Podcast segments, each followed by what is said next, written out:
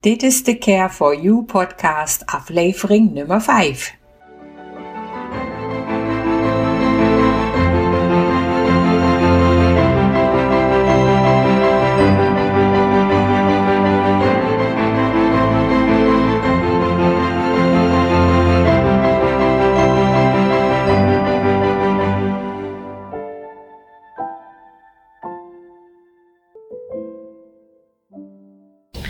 Hallo en welkom bij deze Care for You podcast nummer 5. De 5 is een heel bijzonder getal, niet alleen voor mijzelf, maar ook voor mijn huidige gast Margreet Sanders. Margreet Sanders is hartpsycholoog en haar bedrijf Heart Mind Flow Motion heb ik vandaag van alle kanten mogen leren kennen. Ik ben heel dankbaar dat ik bij jou te gast mag zijn vandaag, lieve Margreet. Wil jij ons vertellen wie jij bent? Um, dat wil ik heel graag. Uh, Dank je wel. Um, lieve Brigitte, ik, uh, we hebben inderdaad al een uh, aantal uurtjes samen doorgebracht. heel bijzonder om elkaar te leren kennen in onze talenten. Um, wat kan ik over mezelf vertellen? Wie ben ik? Ik ben uh, Margreet. Sanders is mijn meisjesnaam, die gebruik ik. Ik ben wel getrouwd. Ik heb twee volwassen zonen. Ik ben 63 jaar. Um, en um, ik ben 30 jaar ben ik bezig om het, uh, het, het hart, met het hart te werken. En eigenlijk onbewust wel mijn hele leven, maar misschien doen we dat allemaal wel. ja, alleen zijn we ons niet allemaal zo bewust ervan als jij dat bent. En dat heb ik vandaag werkelijk heel bijzonder ervaren. Je werkt met zoveel liefde en bevlogenheid en met zoveel openheid en je bent zo aanmoedigend. Het was een heel plezier en de tijd is vervlogen. We hadden nooit gedacht dat de tijd zo snel zou gaan. Nee, de, het hart werkt ook een beetje buiten de tijd om, volgens mij. Gelukkig is er nog zoiets als heilige timing. En zitten wij hier nu bij elkaar om een beetje meer van jou te horen en jou een beetje beter te leren kennen. Zou jij ons willen vertellen hoe jij gekomen bent waar je nu bent? Dus met andere woorden, wat heeft jou ertoe bewogen om vijf jaar onderzoek te doen over het hart en het brein en de weg tussen die twee? Um, ja, wat heeft mij bewogen? Uh, het is inderdaad een hele lange reis van um, wat je niet beseft als een reis, we noemen het leven. En um, bepaalde hoogtepunten en dieptepunten die je onderweg tegenkomt, uh, ja, dat zijn een soort uh, verkeersbordjes langs de weg, die je de weg wijzen uh, altijd naar het hart. Ja. Vroeger zei ze gaan veel wegen naar Rome, maar volgens mij gaat daar, gaan daar geen wegen meer naartoe. Maar er gaan, we mogen ons naar binnen keren, naar onszelf, naar ons hart. Dat is de die we mogen, allemaal mogen leren gaan. Uh, ik heb het zelf ondervonden natuurlijk en ook ervaren hoe, hoe bijzonder fijn het is om, uh, om, om je hart te voelen, om bij jezelf thuis te zijn.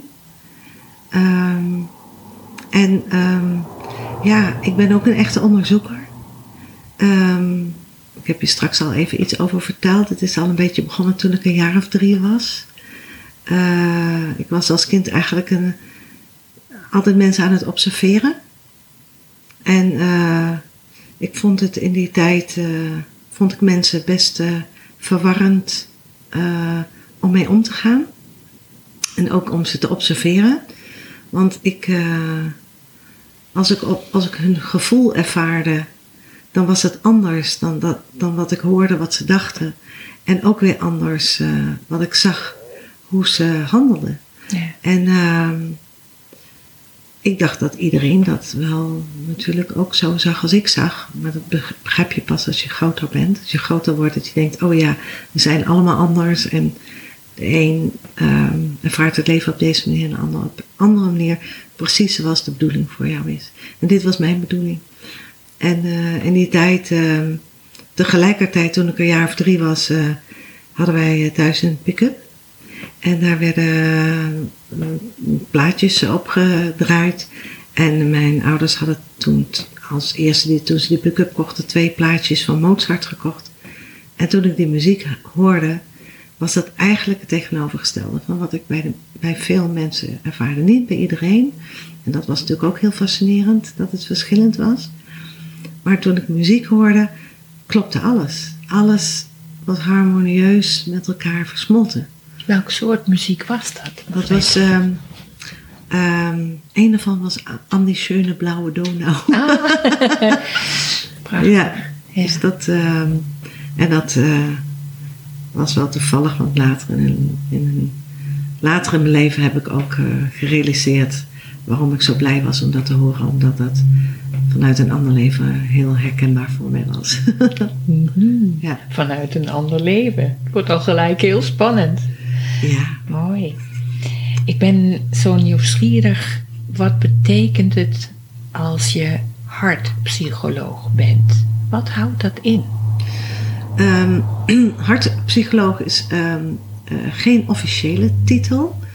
Um, ik heb uh, na mijn studie, die helemaal uh, gericht is, die ik zelf heb mogen inrichten, op neurobiologische wijze om de, de samenhang tussen het hart en de hersenen en ook het lichaam, dus neurobiologisch, om dat te onderzoeken en te bestuderen. En um, ik heb uh, tijdens mijn studie dus ook een heel groot onderzoek gedaan van 2,5 jaar. De effecten uh, van, van gevoelens op hart en hersenen.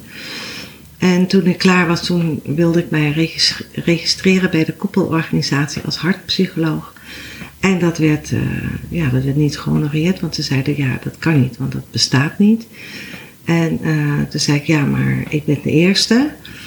En um, toen zeiden ze, ja, maar omdat het niet bestaat, kunnen we het je niet geven. Ik zei, nee, maar ik ben de eerste, dus dan kan het ook nog niet bestaan.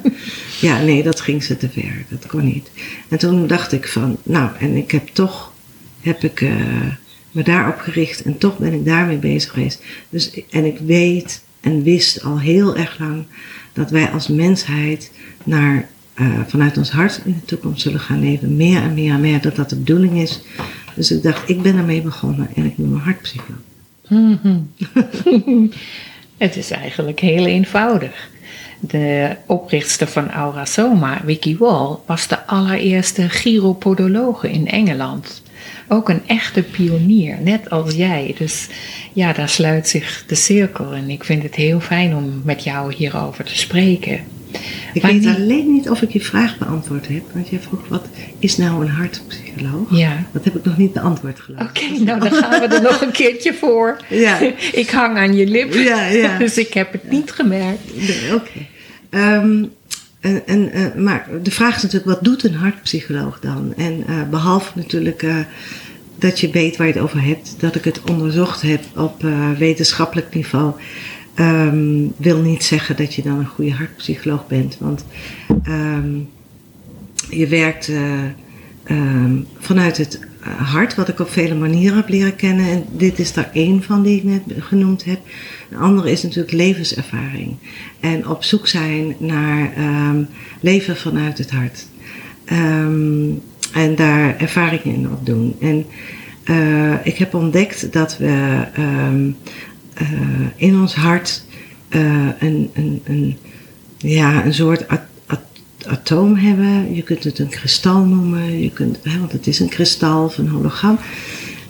Er zijn misschien veel meer mooie woorden voor. Maar uh, dat is een, een, een, ja, dat is wie, jouw ware zelf. Omdat dat altijd en eeuwig verbonden is met daar waar jij vandaan komt. Dat is de bron. Voor sommige mensen is het God, voor anderen is het de universele zon. Uh, er zijn verschillende benamingen voor. Mm. Maar het is je origineel, wie jij voor altijd en eeuwig bent, zolang er leven bestaat. En uh, mijn grote droom, wens, die ik ook eh, wel aan het realiseren ben, hoop ik, is om mezelf en anderen daar naartoe te brengen. En Naar het hart. naar, het, naar eh, dit ehm, ehm, centrale deel van het hart. Eh, het ligt ook niet in het midden van het hart, zoals ik het altijd zie, tenminste bij de mensen. Want als ik contact maak van hart naar hart, zoals ik werk, dan zie ik hoe het hart ja, voor die persoon uitziet en wat, wat daar gaande is. Ehm, en ehm, eh, het is, je kunt het ook het stiltepunt van het hart noemen, om daar aan te komen. Ehm, en dat is, een ander woord is liefde. Gewoon Ja. onvoorwaardelijke liefde. En van daaruit contact maken met je bewustzijn en je bewustzijn te laten groeien. En je bewustzijn bestaat uit verschillende vormen. Eh, we hebben een, eh, eh, een lichaamsbewustzijn. Dat noemen we ook wel intuïtie. Ehm, het is een intelligentie, lichaamsintelligentie, een innerlijk stemmetje wat je kunt horen. En we hebben een eh, emotio- eh, emotionele ehm, intelligentie of emotioneel bewustzijn. Ehm, dat, dat, dat ligt op dit moment is dat het sterkst verbonden aan je hart, omdat we evolutionair gezien ehm, onze emoties wijs mogen worden door onze emoties, via onze emoties. En als we de wereld inkijken, dan valt daar nog heel veel te leren. Ja.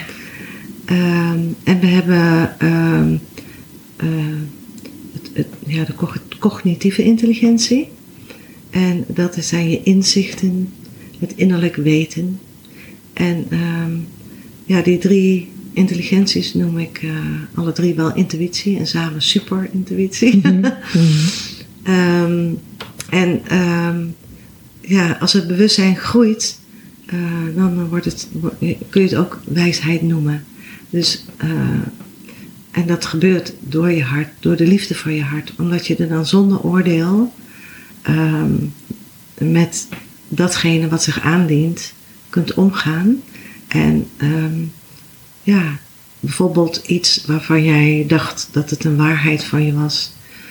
eh, dat dat opeens blijkt dat vanuit je hart dat het een overtuiging was in plaats van een waarheid.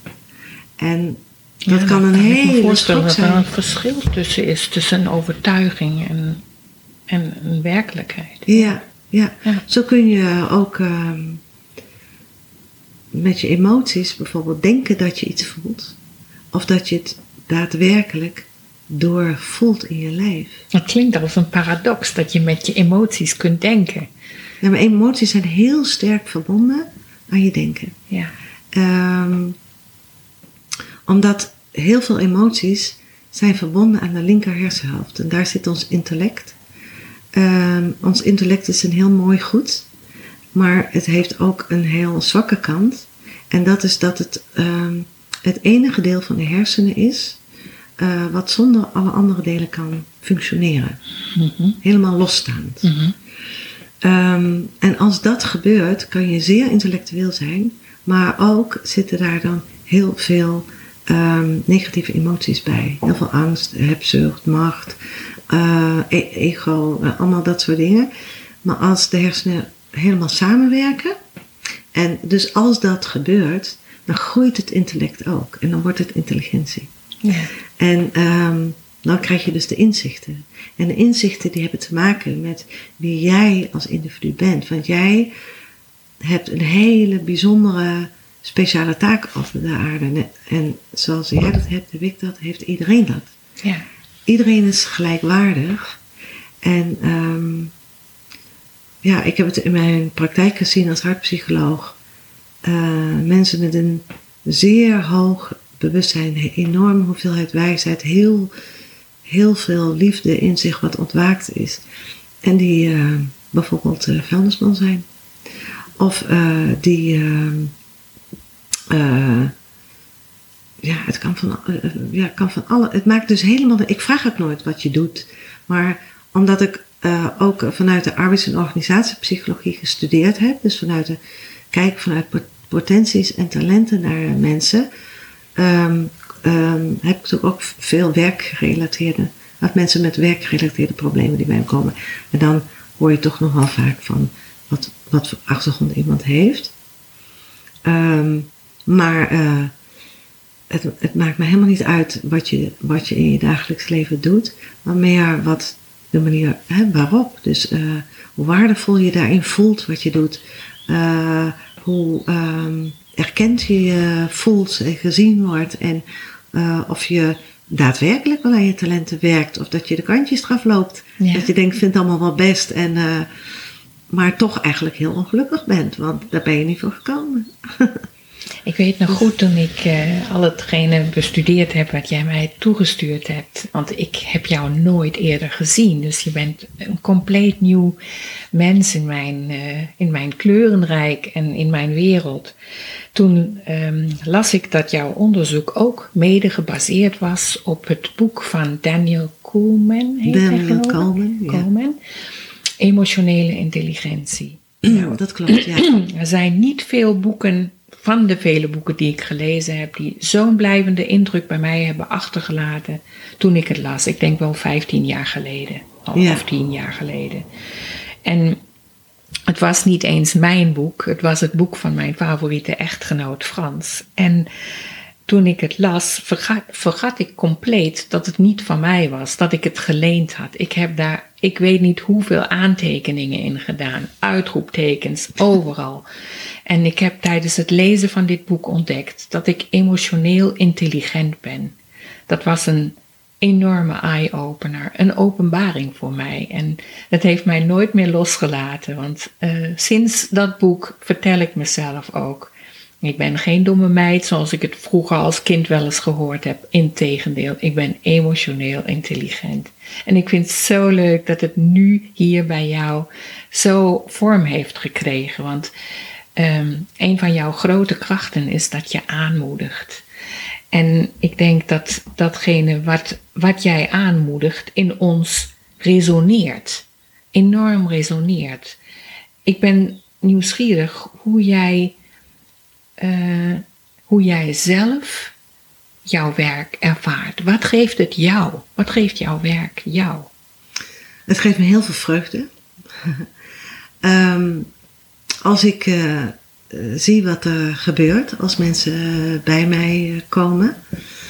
Um, en ik zie wat voor prachtige veranderingen ze doorgemaakt hebben. en ik zie hoe ze stralend uit de praktijk verlaten, dan, uh, dan heb ik heel veel van mijn cliënt geleerd. Omdat ik mee heb mogen kijken in hun hart.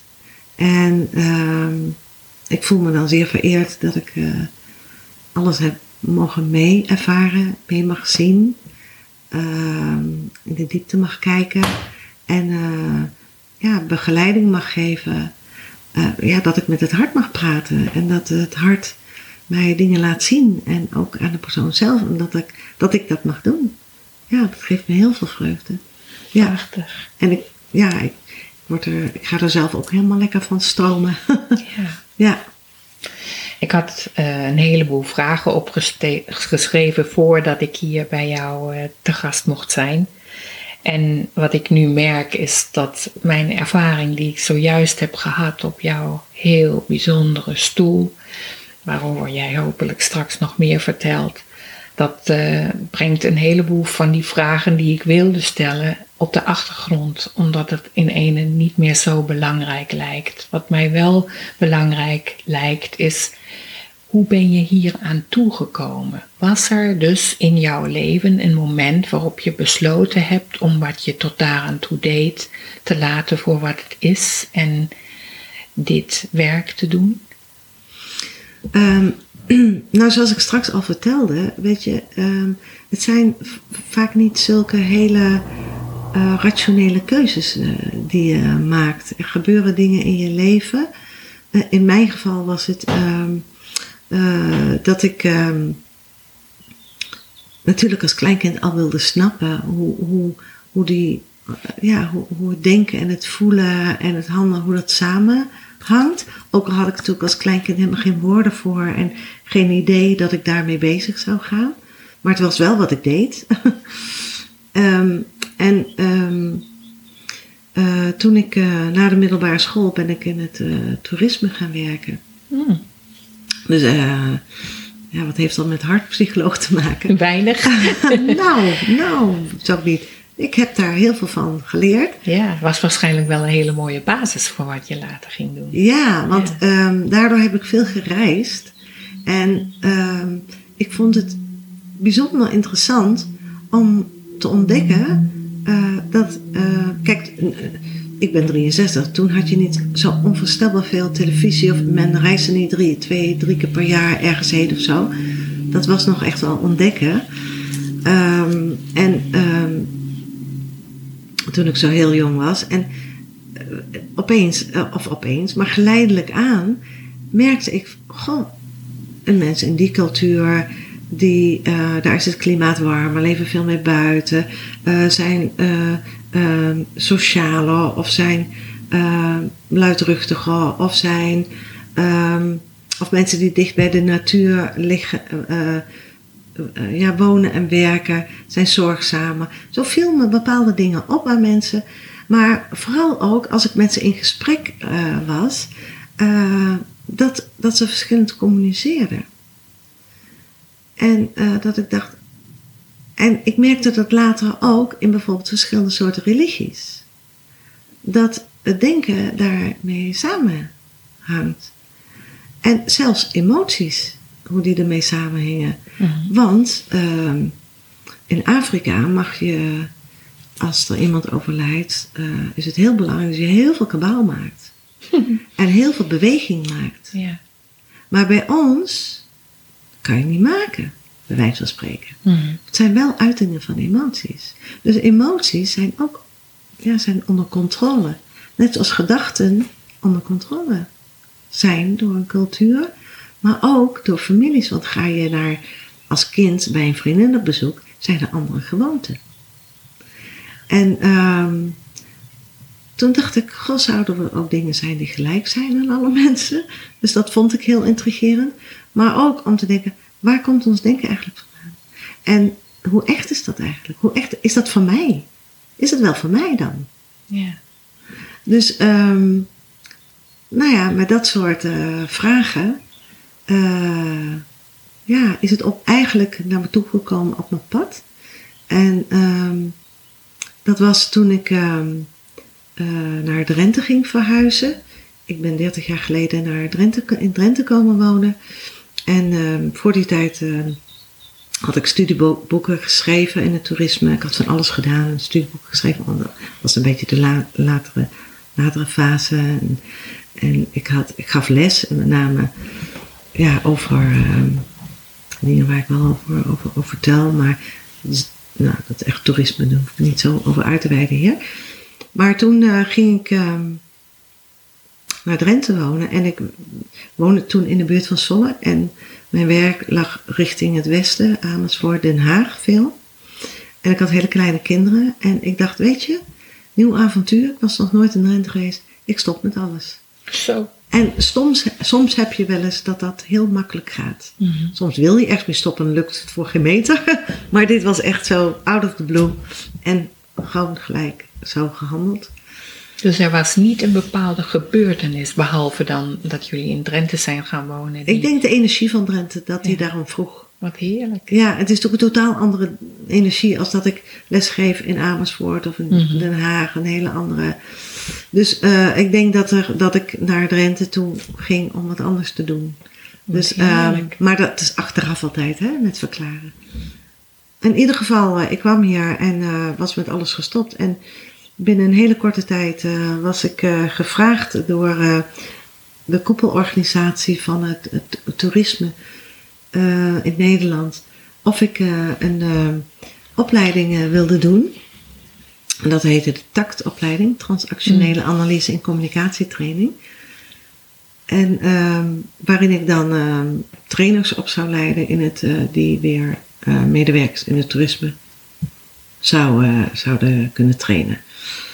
Um, nou, daar heb ik, hoefde ik niet lang over na te denken, want dat sprak me heel erg aan. En ik heb die eh, opleiding gaan doen en het voelde zo als thuiskomen om met die opleiding bezig te zijn. Want waar ging het over? Het ging over denken, voelen en handelen. en Het, het, ging, is echt een rode draad door je leven. ja, Ja. en het eh, ging over het voelen, over het, het kind in je en hoe een kind zich ontwikkelt en eh, hoe het meer voelt dan denkt. En ehm, dat dat zijn wereld is. En als het zich aan moet passen, wat voor een, ehm, ja, ehm, wat, wat je dan als kind kan voor mogelijkheden hebt om niet meer jezelf te zijn, omdat je je aanpast. En die dan nog het beste bij je passen of zo. Ehm, en hetzelfde met eh, nou, eh, het, het volwassen deel. Of tenminste het ouderdeel, zoals dat dan genoemd wordt. Eh, de geboden, de verboden van de wereld, de normen, de, eh, eh, eh, je, je beschermd voelen, verzorgd, verzorging. Dus allemaal eh, dingen die je vader moeder of andere volwassenen je in de opgroeitijd hebben kunnen geven. En die je dan aanneemt. Of als het niet gebeurt, wat je dan doet. Dus al die weerstanden die daar in jou komen en waar je mee moet dealen of wat, wat je als waarheid bent gaan zien, wat niet je waarheid is. En zo worden we eigenlijk vervormd. En een volwassen deel wat daarin was. En dat was eigenlijk om dat kinddeel en dat ouderdeel, om dat in jou te transformeren tot een, totdat je een onafhankelijk volwassen Mhm. eh, persoon. Maar eigenlijk was dat het deel van het hart al. Want dat is precies hetzelfde als wat ik later ook weer tegenkwam op andere manieren. Schitterend. Ja, dus en dat is 30, was in 1987. Ja. Eh, en ik voelde me daar zo bij thuis. En ik heb daar zo, vond het zo leuk om dat te doen. En ik ben daar zo intensief mee bezig geweest.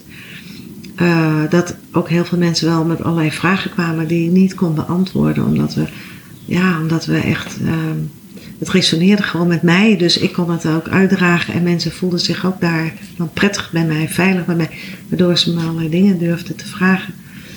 En eh, daardoor dan wist ik het natuurlijk niet altijd. En dan zei ik, maar het waren meerdaagse cursussen. Langer durende cursussen. Dus dan zei ik van, nou weet je, ik kom erop terug, zoek het op. Nou, na een aantal jaren dacht ik, volgens mij heb ik bijna een studie psychologie gedaan. dus toen dacht ik, weet je, ik vind dit zo leuk, ik ga dat doen. Maar in die tussentijd had ik ook al heel veel opleidingen, of heel veel, maar een aantal opleidingen op energiegebied gedaan omdat ik zo goed, omdat ik altijd over energie voelde en niet zo goed wist wat het was. En ehm, ja, nu is er natuurlijk heel veel over bekend. Maar toen, eh, begin 90 jaren, was het toch niet zo heel veel. Tenminste, voor mij was het niet, Mhm. laat ik zo zeggen. Om daarmee bekend eh, te raken. En toen ben ik ehm, Touch for Health gaan doen, ook wel kinesiologie. Heb ik ook heel veel van geleerd. Eh, ik zag jou straks al. eh, Ja, de, het spiertesten even met jezelf doen. En, eh, maar wat opvallend is aan mijzelf, ook in mijn leven, wat ik zelf al vond, is dat er heel vaak merkte, als ik dan een opleiding deed of ik leerde iets, dat ik dan dacht, ja, het is prachtig, maar, was altijd een maar. Het is niet helemaal precies wat het is voor mij. Of het klopt niet helemaal, omdat in mijn, voor mijn systeem het toch wat verouderd was. Bijvoorbeeld voor de tijd waarin we leven. Mhm. Of, nou, was altijd, of bijvoorbeeld de kinesiologie vond ik ja, super interessant. Maar na een poosje, ja, dan op een of andere verveelde het. En dan vroeg ik me af, waarom gebeurt dit nou? Het is zo prachtig en zo mooi. Je kan je hele leven ermee door. En dan was het eigenlijk voor mij zo van, ja, maar je, hoeft dat, je kan het toch voelen? Dan hoef je het toch niet te testen? Weet je, dus Ja. we vinden allemaal onze weg via andere prachtige, ja, via anderen. En ook wat wij weer, Ieder zijn ding. hè, weer, Ja, weer absoluut. delen met de wereld. Wat we, hè, dat, dat we uitwisselen. Dus, ehm, nou ja, en toen ben ik dus studie psychologie gaan doen. Ik had ook nog eh, Healing Touch gedaan. En Shambhala, nou, dat is een heleboel Ja, mooie dingen. Ik ook. Emotionele intelligentie heb ik eh, heel veel aandacht besteed, ook aan mijn studie. Dat heb ik nog bij professor Iteke Weda gedaan. En ehm, dat was een langdurige, duurde langer dan de andere cursussen allemaal. En eh, daar ben ik eh, met een 10 plus geslaagd. En, Is eh, dat cum laude? Nou, cum laude is geloof ik als je 8,5 hebt of zo, weet ik niet precies. Maar dat gaat over meerdere cijfers ook vaak wel. Ja. Maar uh, dit was een 10 plus en ze zei die plus komt niet op je, op je bul, want het wordt niet gegeven. Maar ik doe het toch om aan te geven dat ik uh, zo ja, het was enthousiast was. Helemaal jouw ding. Het was helemaal mijn ding, hmm. ja, ja. En wat ik, ja, wat ik gedaan had, ik had ook nog bij want het was op intuïtieve basis, zoals hij deed. En dat, ja, ja daar werd ik helemaal gelukkig van. en uh, even niet in al die boeken. Uh, dus heel erg op intuïtieve basis. En je moest heel erg uh, intuïtief schrijven. En ehm, dan moest je op die manier alle, allerlei opdrachten doen. Eh, eh, voor een hele lange tijd. En ehm, uh, aan het eind moest je ook een gekozen boek uit de lijst die zij aanbood. Ja, een soort essay schrijven of zo. En ik had toen uh, een boek van een psychiater, de psychiater Bolen. die schrijft over de godinnen in elke vrouw. Mm -hmm. Ken je dat? Ja, dat boek ken ik, ja. En um, dat had ik um, ja, eigenlijk helemaal in een eigenlijk achteraf een geometrisch verhaal van gemaakt. Omdat het, dat ik er een geometrische beeld van geschetst had. En daar in de vorm gebracht. En het toen uitgeschreven. En toen bleek dat eigenlijk het boek niet helemaal klopte. maar dat kon, dat kon ik natuurlijk niet zeggen. Want wie ben ik? Ik, daar, ik deed alleen andere ontdekkingen. En zij zei toen van... Uh, je moet het haar schrijven, want ik denk dat het klopt. Dat heb ik toen gedaan, maar dan je kunt nooit rechtstreeks naar een schrijfster schrijven. Tenminste, toen kon dat niet. Dus toen heb ik naar de uitgever geschreven en die heeft er niks mee gedaan. Helaas, maar ook niet erg. Oké. het was een interessante ontdekking. Ja. En uh, ja, en aangezien ik uh, mijn eigen. Uh, ik werk zelf met mijn eigen gidsen die daar als godinne of archetype uitzien. Ja, dat las ik op LinkedIn. dus uh, daar wilde ik ook heel graag meer over weten. Ja. ja. Nou, ik eh, weet je, weet je, er zijn, het gebeurt je in een, als ik werk raak ik altijd in een soort lichte trance, maar ik ben totaal in, in uh, aanwezig in, bewustzijn. Ja. Um, daar heeft overigens iemand fantastisch mooi onderzoek over gedaan. Um, haar hele leven. Um, nou, ik kan het zo even erbij pakken als je wil weten en als de luisteraars willen weten wie deze vrouw is. Uh, maar zij heeft uh, onderzoek gedaan waar, waarbij um, de frequenties gemeten wordt uh, van de verschillende Bewustzijn bewustzijnstaten. Mm -hmm. En um, ja, ik kom er nu op. Ik ben helemaal niet, al, al denk ik al tien jaar hier niet over nagedacht of gelezen, maar ik yeah. moet even ophalen. Maar dat zij verschillende therapieën gedaan heeft en laten doen bij mensen, of gevraagd of ze mm -hmm. dat mhm. wilden doen. En heeft zij al die frequenties uh, gemeten van de healer of de teacher of Wat de mooi. genezer. Yeah. Werkte ook met kleuren trouwens. Mm -hmm. Gaven ook kleuren aan. Um, en, uh, maar wat zij zag in de verschillende bewust, als de bewustzijnstaten allemaal tegelijk werken, is waar, we, waar in mijn beleving we naartoe gaan. Dus uh, je hersenen gaan helemaal samen. Hè? Dus eerst je hart. En als je hart open gaat voor jezelf, dan kom je in een coherente staat. Je hebt verschillende bewustzijnstaten. Bijvoorbeeld in je lichaamsbewustzijn gaan alle cellen samenwerken. Dus al je systemen worden, ja, die gaan die vloeien samen in een ritme. Net zoals een orkest met verschillende verschillende instrumenten. -hmm. Maar ze spelen wel samen een hele mooie compositie. Een prachtige vergelijking. Ja. ja. Ik ben een beelddenker, dus ik ben daar dol op als ik mij iets erbij voor kan stellen. Ja, ja, ja want nou ja, je kunt het ook vergelijken voor de linker hersenhelft, dominanten. Um, uh, je hebt een hartslag die gaat, nou zeg, uh, 70 keer per minuut. En je hebt een ademhaling die gaat misschien 6 keer per minuut. Mm -hmm. Maar ze kunnen met elkaar, als het voor jou, kunnen ze in een perfecte verhouding op die manier zijn. Coherent. Ja, en, en het is, altijd gaat het over het ritme. Mm-hmm. Het ritme van je adem, de puls. Want alles wat in je hart eh, daar begint de pulsering. Het hart is geen pomp, het is een pulsinstrument. Ja. En je hele ehm, hart, als je kijkt naar het hart als orgaan, is opgebouwd vanuit die puls. Het heeft acht lagen, acht spierlagen, die vormen een, kort, een, een vortex die uit die pulsering ontstaat. En zo ziet exact de frequenties uit in het hele universum. Ja.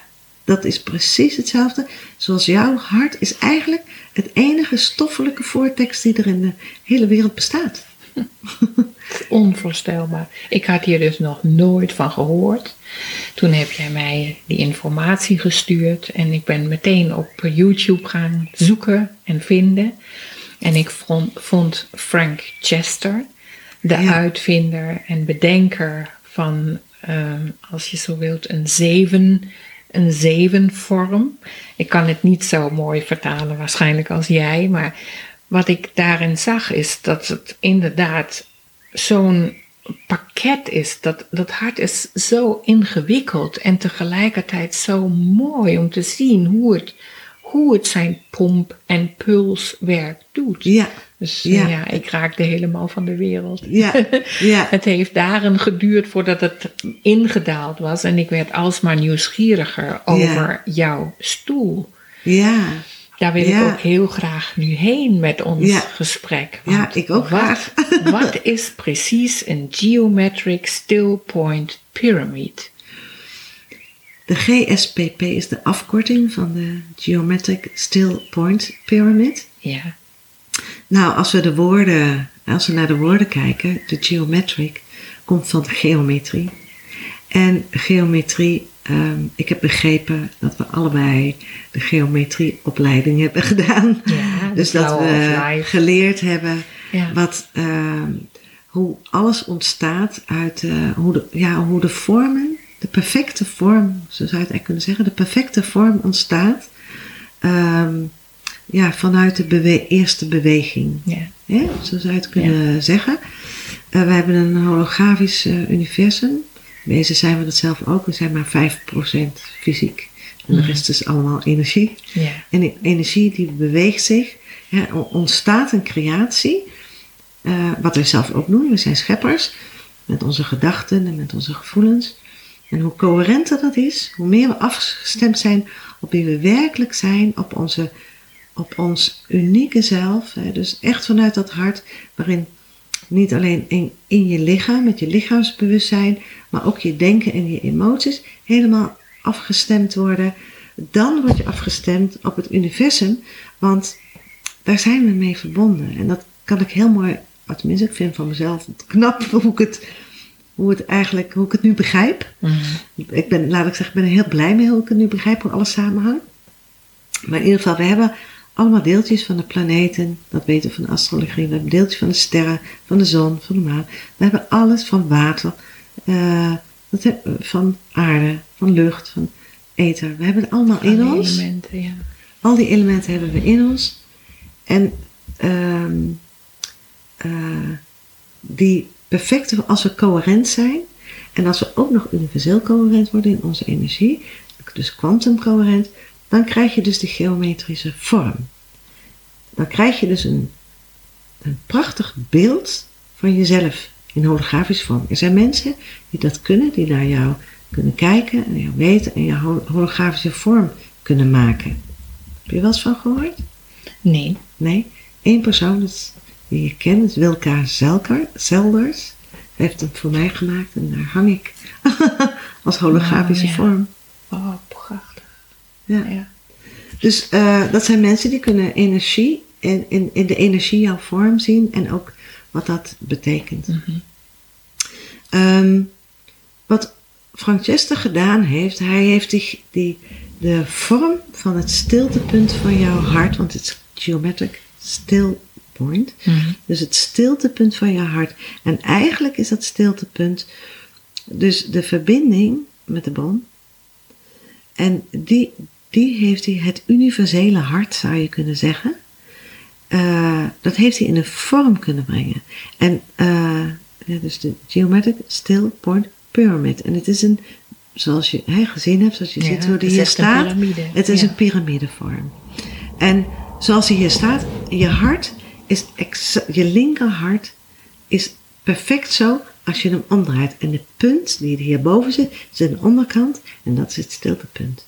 En daar begint jouw leven. Daar begint de pulsering. Dat kan je letterlijk voelen als je je hand op je hart legt, maar ook als je heel stil bent. Als je daarop concentreert, dan, ja, dan, dan wordt je hart warm, dan word je jezelf.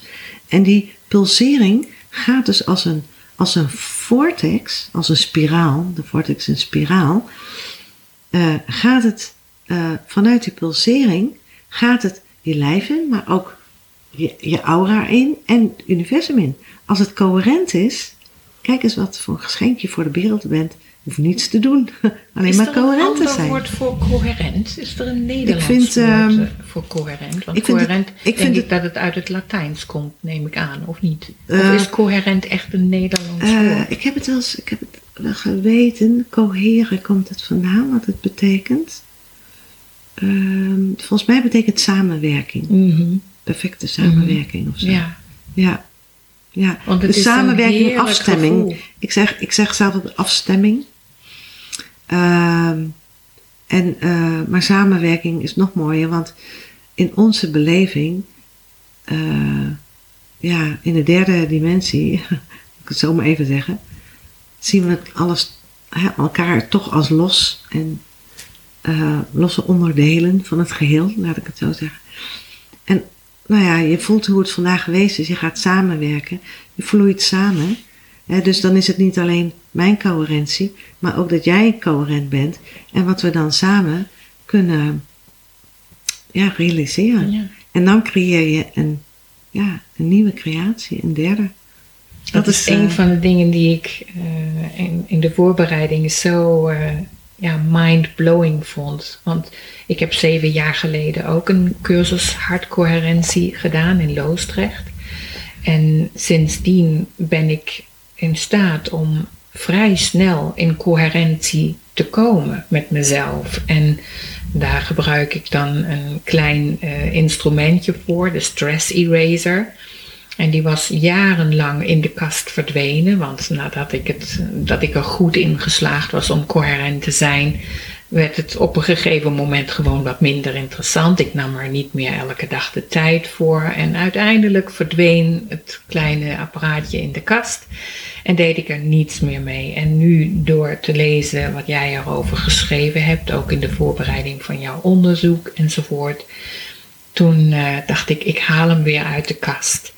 En eh, sinds één week nu ben ik er elke dag in geslaagd om een aantal minuten weer in coherentie te zijn. En het doet me zo goed. Het is ehm, een gevoel alsof ik veel meer bij mezelf kom op Ja. het moment dat ik coherent ben. En dat voel ik in al mijn delen. Bijvoorbeeld wordt mijn lichaam dan warmer, ik word kalmer, ik word tevredener. En na een aantal dagen dat te hebben gedaan, word ik ook vrolijker. Ik slaap weer beter. Dus ja, het coherent zijn, dat houdt niet op bij het mooie woord. Maar Nee, dat is absoluut niet. iets heel bijzonders om te ervaren. Ja, ja, ja, ja, ja. je kunt het voorstellen als dat orkest wat ik straks noemde. Als je niet coherent bent, dan staat er geen dirigent voor, want dat is je hart dan. En iedereen die speelt maar een ander deuntje. De ene klassiek, de ander jazz, de ander eh, Ja. pop. ehm, Schiet niet op. dat, eh, dat is niet om aan te horen. Het is ook heel vermoeiend als er geen samenwerking is. Ja. Het bespaart enorm energie natuurlijk. Ook. En Lynn McTaggart heeft een boek geschreven, Het Veld. Ja, ik heb haar ontmoet. Ook, eh, ja. Oh, prachtig. Ja, ik was toen met mijn onderzoek bezig en toen was hij in Nederland om haar boek Het Veld te... Mooi. Ja, ja. ja. En eh toen hebben we... Ja, want dat is ook zo uit het hart geschreven. Ja, zij is ook een wereldonderzoekster. En Ja, ik heb het nog niet helemaal gered. Het ligt nog steeds in mijn nachtkastje om verder gelezen te worden. Want het is zo, zo bijzonder wat zij schrijft. En in feite zijn we allemaal deel van één groot veld, één groot energieveld. Dit was deel 1 van de Care for You podcast nummer 5 met hartpsycholoog Margreet Sanders. In deel 2 hoor je hoe die stoel precies werkt, waar we het nu al een aantal keren over hebben gehad.